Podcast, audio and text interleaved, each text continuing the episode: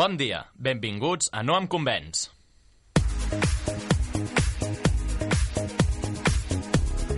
En aquest programa repassarem les pífies, els errors i els titulars més divertits dels mitjans de comunicació aquesta setmana. Som en Bernardo Facta, en Javier Rodríguez, en Pol Parrilla i jo, en Joan Hernández. I avui us parlarem de la relació d'Iniesta amb el PSC, de dictadors sexis i d'un futbolista que ven roba del club per Wallapop, entre molts altres temes. Comencem amb el millor que ens ha deixat la premsa catalana. Endavant, Pol!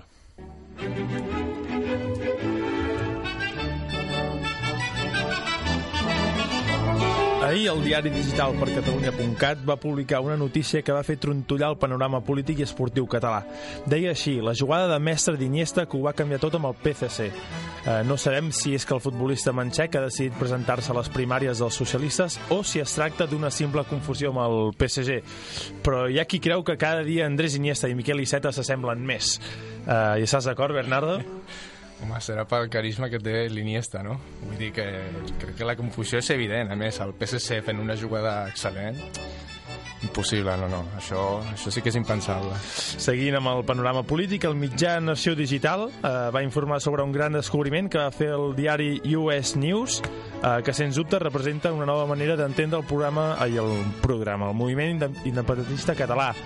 Eh, el mitjà americà va assegurar que, atenció, el procés català posaria en perill la unitat d'Espanya. Uh, a mi mai se m'hauria acudit tal conclusió. Uh, què en penseu vosaltres? Doncs a mi em fa més gràcia que escolta Artur Mas parlant anglès. Bé, en realitat no. Uh, marxem ara a Islàndia per obrir un debat dels que sí que divideixen la societat del segle XXI. Un debat, buf, dels forts. Segons publica La Vanguardia, al president d'aquest país li agradaria prohibir la pizza amb pinya. Uh, uh, Guoni Torlakius Johannesson, que com es pot deduir pels cognoms és de pare barceloní i de mare de Palafolls, uh, ha declarat que odia amb totes les seves forces la pizza hawaiana i que si fos per ell crearia una llei perquè ningú en pogués menjar. Uh, companys, vosaltres hi esteu d'acord? Us agrada aquest uh, pecat alimentici? Doncs jo mai he provat aquesta pinya, però si ho diu un president nòrdic ja estic d'acord. Bueno, pel, pel que sabem, el Ser Trencada que va sortir fa uns mesos publicat, crec, sortia un article de Joan Hernández, un article d'opinió criticant eh, Sí, eh, sí. tal despropòsit. Va ser a la versió digital. Tu què en penses, Bernardo? Jo els ficaria tots a la gàbia, no? Però tinc un problema i és que moltes vegades una família de- d'un amic em convida a sopar a casa seva i són fans de la pizza amb pinya, no? Jo, per pura cortesia, he d'agafar algun tros de tant en quant i intento, aquelles vegades que no miren, de treure pinya el més ràpid I possible. tens d'escopir, me'l no, el de- ragonet? Pràcticament de- d'una tacada. Molt Bé, jo per tancar el debat us he de dir que qualsevol persona que mengés pizza amb pinya l'abandonaria al mig del bosc i no la tornaria a veure mai més. I amb aquest col·loqui tan enriquidor i que ens ha fet venir ganes d'aturar el programa per anar a un bon restaurant italià, acabem amb el repàs de les pàgines catalanes. Tot seguit, en Bernardo ens posarà el dia de les millors perles de la premsa estatal. Com ha anat la setmana per Espanya?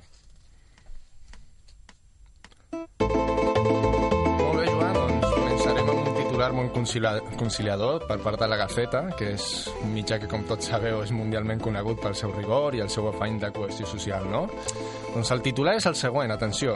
La passionaria, Carrillo, Companys i Stalin, los asesinos de la izquierda que conservan sus calles. El contingut de la crònica no té malbaratament.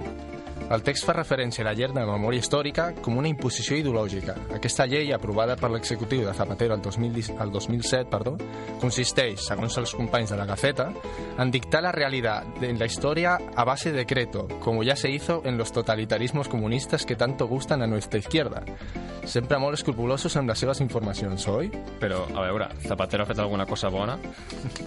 Bé, doncs encara no agafarem el DeLorean de Marty McFly per tornar al 2017 perquè el diari madrileny, l'Espanyol, ens regala un perfil de l'exdictador Primo de Rivera que titula José Antonio, el fascista más sexy. Sí, sí, no és cap confusió ni es tracta de cap contraportada del diari As. Hauríeu de veure la foto de, que acompanya el text de, del perfil dels companys de l'Espanyol perquè trobem a José Antonio amb un posat com molt interessant, no? O sigui, ja, que ja li agradaria al mateix Johnny Depp poder eh, eh, estar així d'aquesta manera. L'hauríeu de veure perquè amb la gabardina i amb la mirada que porta és, seria capaç de fondre un iceberg i bueno, us ho dic en sèrio, jo he obert el, he obert el telediari i, i pràcticament m'han tremolat les cames o sigui, us, els recomano bastant Eh, un punt, un punt positiu pel Pedro J i bueno, al César el que és del César. És que és innegable. A mi m'han arribat veus que en aquella època les noies substituïen les revistes eròtiques pels butlletins del govern. Molt bé. I acabem amb el repàs als mitjans espanyols amb unes declaracions sorprenents. Segons explica el diari La Razón, la primera dona autoritzada pel Tribunal Suprem a canviar-se de sexe ha defensat el famós autobús d'Austervir. Sí, sí. Ella, que es diu Charlotte Goya, ha dit que no entén com la gent pot queixar-se de l'autobús però després defensar la llibertat d'expressió. Ha afegit que tot plegat és un complot del lobby LGTBI i que de tota la vida els nens tenen penis i les nenes vulvar. Oh! Si és que s'han de, s'han de tenir els collons o els ovaris ben posats, eh, per dir això.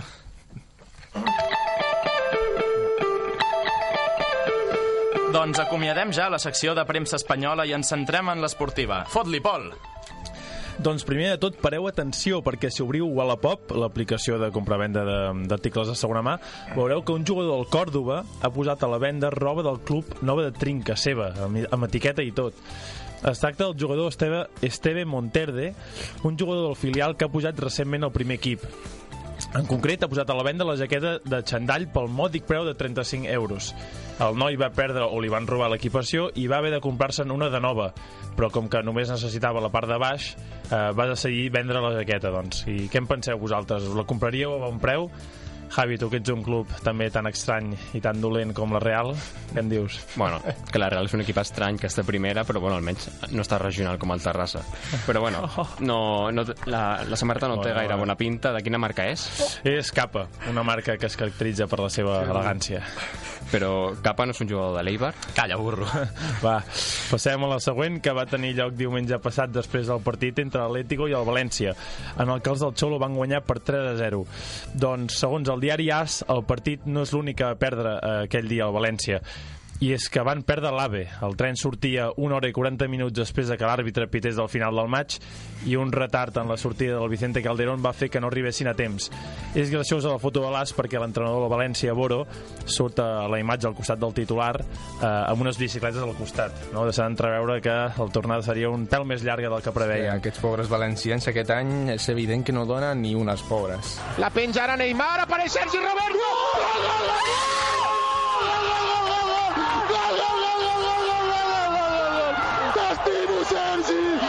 T'estimo, Sergi!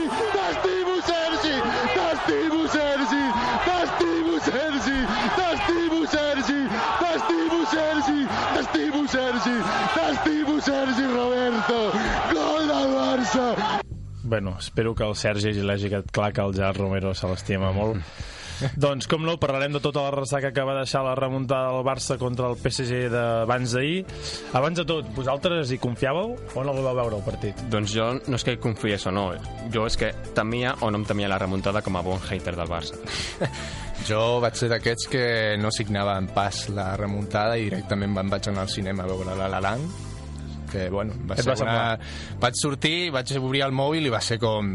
Aquesta gent m'està prenent el pèl. O sigui, a sobre no se m'obria el marca, no hi ha manera de comprovar-ho i, i sí, és una d'aquestes pifiades que una vegada a la vida, doncs... Ja n'aprendràs, ja, Gerardo. Jo no ho descartava, però tampoc hi volia perdre el temps. Llavors, jo, em va, jo vaig obrir el, el Mundo Deportivo mitja part, vaig veure que el Barça guanyava 2 a 0 i em vaig posar a la ràdio. I després ja ho vaig seguir i em vaig, em vaig endur una bona alegria. Doncs, com no podia ser d'altra manera, l'imparcial eh, diari madrileny Diario AS ha publicat una notícia que titula Tu rearbitres el Barça PSG amb tots els vídeos i les imatges de les jugades polèmiques del partit eh, les mans de Mascherano a la primera part eh, el, primer penal que comet Nonier sobre Neymar amb el cap des del terra, l'entrada de Mascherano a Di Maria a la segona part, que suposa no, que era, aleshores Di Maria estava sol en un 1 contra 1 contra Ter Stegen i sort de Mascherano que va arribar eh, a poder desviar la pilota, la pilota que el Fideo rematés malament Uh, I el més polèmic de tots, el penal de Marquinhos comès sobre Luis Suárez, que va suposar el 5 a 1 al minut 90, i aquestes esperances de que en els últims minuts es pogués fer, uh, es pogués aconseguir el gol per, per certificar la remuntada. Uh -huh. uh, bé, i vosaltres com, com vau celebrar l'últim gol de Sergi Roberto i la classificació pel Barça? Joan, ja sabem que tu et vas muntar una bona, una bona festa. Bueno, sí, de reconèixer que se me'n va anar una mica de les mans la cosa i encara em fa una mica de mal al cap dos dies després, però bueno, jo crec que l'ocasió s'ho mereixia. Tu, Javi, el vas celebrar o no? Jo no vaig celebrar res, jo anava a favor del PSG. tu estaves mirant... Jo estava mirant La La Land, què vols que faci? Ja m'agradaria haver, Ara meva. haver celebrat el Quins gol. que tenim aquí. doncs per festes, el que, les, que- la, la, per festes, la que es va muntar eh, l'heroi de la nit, Neymar, després de deixar en ridícul la rabiota a través de les xarxes socials, si aneu a l'Instagram, doncs ja, ja veureu de què va el tema. Doncs a la nit el brasiler va publicar vídeos i fotografies a través de l'Snapchat d'Instagram eh, de festa amb els seus propers, en els que sortia el seu pare, begut com una cuba, amb els ulls més tancats que un xinès. Increïble la imatge, si la veieu no, no perdeu detall. El pare, bueno, fet un, eh, un drama. Eh, Mateu va fer de la seva manera, també d'una forma molt original. En la foto de grup eh, de l'equip celebrant el passe, no se li va acudir res millor que fer una botifara amb el dit mig. Mascherano no es va arrugar gens ni mica a l'hora de penjar-la a les xarxes i, clar, evidentment la fotografia ja s'ha fet viral. Rafinha ho va festejar complint la seva promesa que tot culer fa sempre quan hi ha una fita doncs, quasi bé impossible de realitzar. No, jo prometo fer això, sí, al Barça tal. Doncs Rafinha va prometre, va haver de complir la promesa de tornar caminant del Camp Nou fins a casa seva després del partit i va estar ni més ni, més ni menys que una hora i mitja caminant. Això sí, quan va arribar a casa va agafar el cotxe i va sortir a celebrar-ho de, de veritat. I com va dir Gerard Piqué en declaracions després del partit, Eh, los hospitales de aquí de Barcelona dentro de nueve meses que contraten enfermeras porque hoy la gente va a hacer mucho el amor, creo.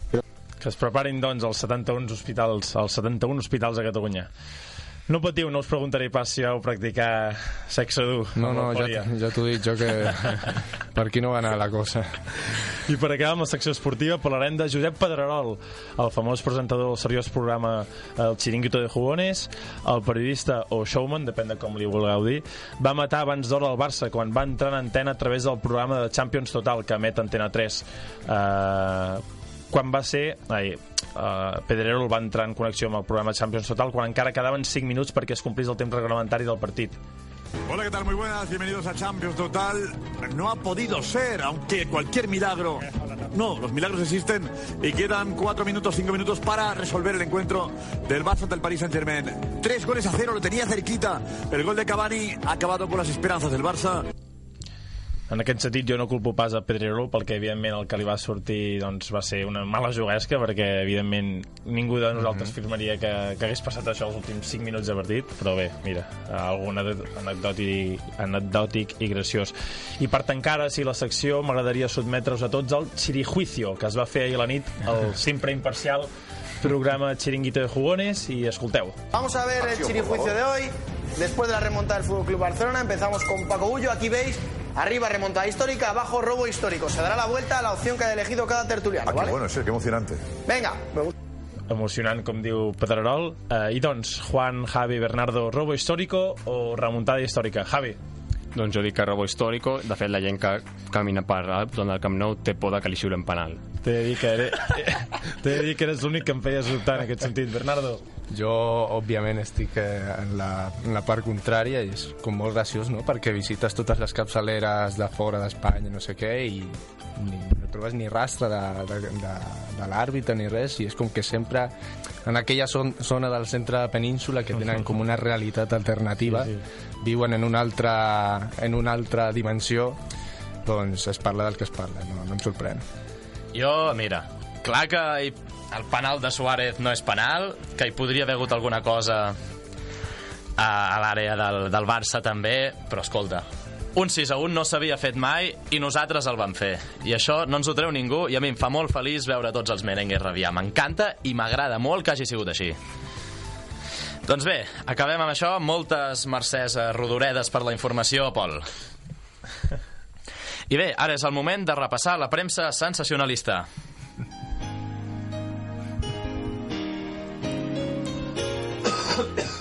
Què ens en pots dir, Javi? Doncs que Mònica Hoyos té llèmenes. És l'última trama del programa Sálvame i d'ella se'n va fer eco Què me dices, que el passat dimarts titulava Mònica Hoyos infestada de liendres. Però abans de continuar, dono per fet que sabeu qui és Mònica Hoyos, no? Lle, lle, lleme què? Llaminadures? Que, qui pilotes és aquesta dona? Doncs t'entra de Wikipedia, cosa que tu no. I és presentadora, model i actriu peruana. A Espanya, però, se la coneix per ser l'exparella de Carlos, de Carlos Lozano. La participació del seu ex a Gran Hermano VIP la va reintroduir a Telecinco, on actualment és col·laboradora de Sálvame. Feta la presentació, tornem al que va passar. Com deia, Salmame va destapar durant el programa de dimarts amb l'ajuda d'una doctora que tenia gèmenes entre burles dels companys. Això li deia la presentadora Paz Padilla. Bueno, tú tranquila que los piojos van a la cabeza limpia y tú nunca la llevas, así que no va a Venga, Pero bueno. Muy feo.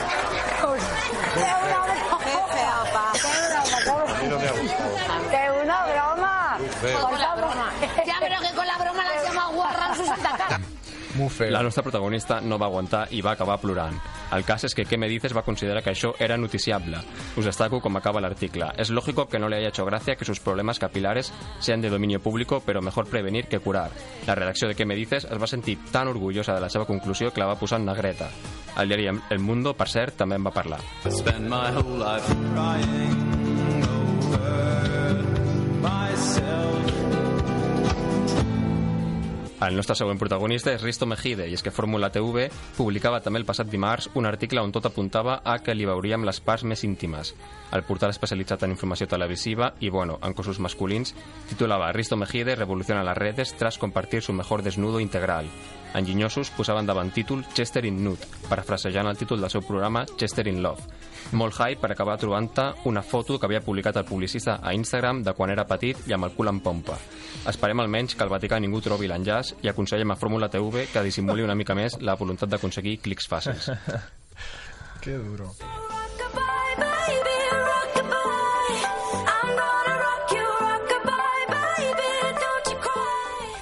Bé, després d'aquestes picants imatges sobre el sensual físic de Risto Mejide, tanquem la secció de premsa rosa i d'entreteniment. Arribem ja a la part final del nom convenç d'avui amb el nostre top 5 de titulars de la setmana. Som-hi, Bernardo. Som-hi, en cinquena posició tenim una nova salvatjada del diari ABC, per variar, que va titular dues notícies protagonitzada per catalans sense cap mena de tendenci- tendenciositat ni segones intencions i, com veureu, la primera diu Los españoles Rafael Aranda, Carme Pigem i Ramon Vilalta ganen el Premio Pritzker i tot seguit, en un altre trobem, en el segon, en canvi, afirma la fiscalia tailandesa acu acusa d'assasinato al català Artur Segarra, no? que per lo que interessa fan unes distincions unes altres que, que bueno, no, no s'agafen si, desprevinguts. com si els catalans tinguéssim superpoders, no? Jo aquest matí he anat a comprar, he anat a ajudar la meva àvia a comprar i mentre ho feia jo, la gent em mirava com un bon espanyol de Valladolid. Però, en canvi, quan sense voler hem marxat sense pagar, escolta, el meu DNI posava Joan Hernández, benvingut a la República Catalana.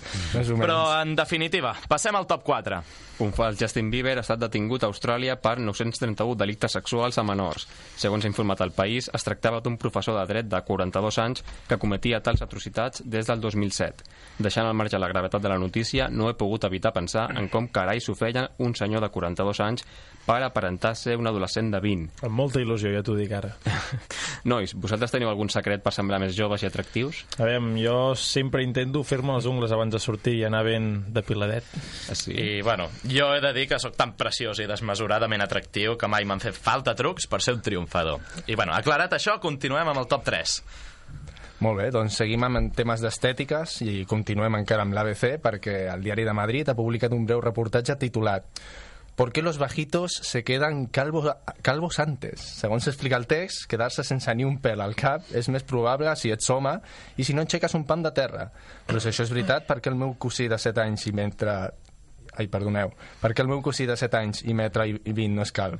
Ben mirat, Bernardo. Això explicaria per què la majoria de bebès neixen sense cabells. De totes maneres, aquest tema ens obre molts interrogants. Per exemple, per què no portava melena Michael Jordan? Potser era orfe i calvet. A veure, Michael Jordan no portava melena, doncs perquè no era heavy, coi. Però bueno, deixem-nos de bajanades i passem al top 2. La històrica remuntada del Barça va donar per titulars de tota mena, però nosaltres ens quedem amb el del diari AS. La rotativa de Madrid va publicar ahir que Montserrat pide calma ante la avalanxa culer a la Moreneta. Es veu que en vistes de les promeses de molts culers, els responsables del santuari van demanar que no hi anessin tots el mateix dia. Vosaltres, companys, vau fer alguna promesa? Jo no tornar mai més anar al cinema un dia de partit de Champions. Jo- Aquesta Assegurada. Digues, bueno, jo he de dir que no vull ser oportunista, però veia tan clara la possibilitat de remuntar que Ja, no em vaig ja, jugar a ja, prometre res, ja. ho prometo. Ja. I Doncs tu, mira, jo vaig fer la promesa de que si el Barça guanyaria sortiria de festa amb un amic fins les tantes de la matinada i no em va acabar de sortir bé la cosa. No, vas Però deixar hi uns amics tirats l'endemà, no? En fi, ja veieu que la victòria del Barça va fer mal i de quina manera. Però ens, ens n'oblidem ràpid, perquè ha arribat el moment de presenciar el millor de la setmana amb en Bernardo. Doncs així és. Mira, aquest diumenge el científic José Miguel Mollet, professor de la Universitat de València, va anar al programa de Risto Mejide, Chester in Love, a explicar la falsedat sobre els enzims prodigiosos, unes proteïnes que, segons Mercedes Milà, sempre ha defensat com a gran mètode per cuidar la salut. A mesura que feia el seu discurs, on criticava la poca rigorositat de la periodista, Mi- Milà, que és així ella com molt, molt seva, li va deixar anar això. Lo primero que te digo es que te leas el libro y adelgaces porque estás gordo. A ver, gracias por Lo digo- decírmelo porque tengo espejo. No me has dicho Escucha, nada lo que no digo porque tu cintura es peligrosa para Sí, el corazón, como sabes. Tengo un índice de masa corporal, pero es muy curioso que me digas esto. Porque de toda la argumentación que he hecho... Oye, no he hecho más que empezar a hablar, ¿eh? Sí, pero ¿puedo, puedo contestar. De toda la argumentación que he dicho, lo único criticable que has encontrado irme. es el tamaño de mi cintura. Bueno, doncs us ha sorprès, suposo, no? La Mercedes molt en el seu estil i, bueno, en fi, després d'això crec que no fa falta afegir res més, o, o potser sí.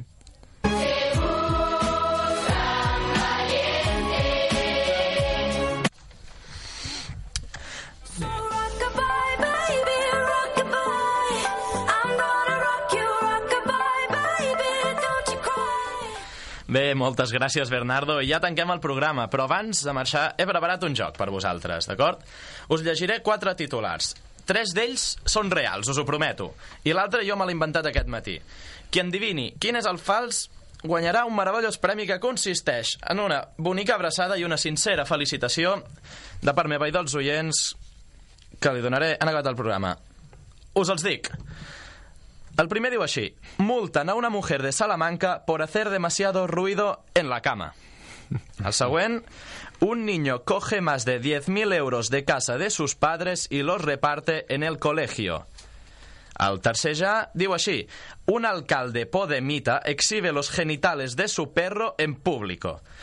Y l'últim ens diu que un niño sobrevive a un ataque de abejas gracias a una técnica de Dragon Ball. Qui es mulla primer? Doncs jo aposto pel del niño, que és falsa, la del niño sobrevive a un ataque de abejas gràcies a una tècnica de Dragon Ball. Jo, si ens estem jugant una abraçada teva, intentaré anar a fallar, així que... jo també. Jo diria la de l'alcalde Podemita, perquè crec que és la menys... La...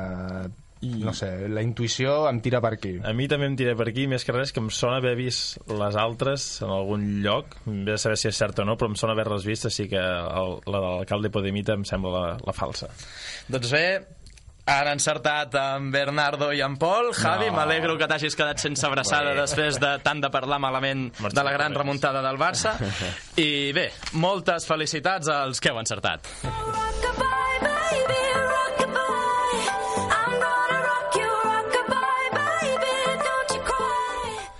I això és tot pel No em convenç d'avui. Sigueu bons, contrasteu sempre la informació i, sobretot, si la iaia us fa canelons, no en deixeu ni un al plat. Ens veiem la setmana que ve. Rockabye.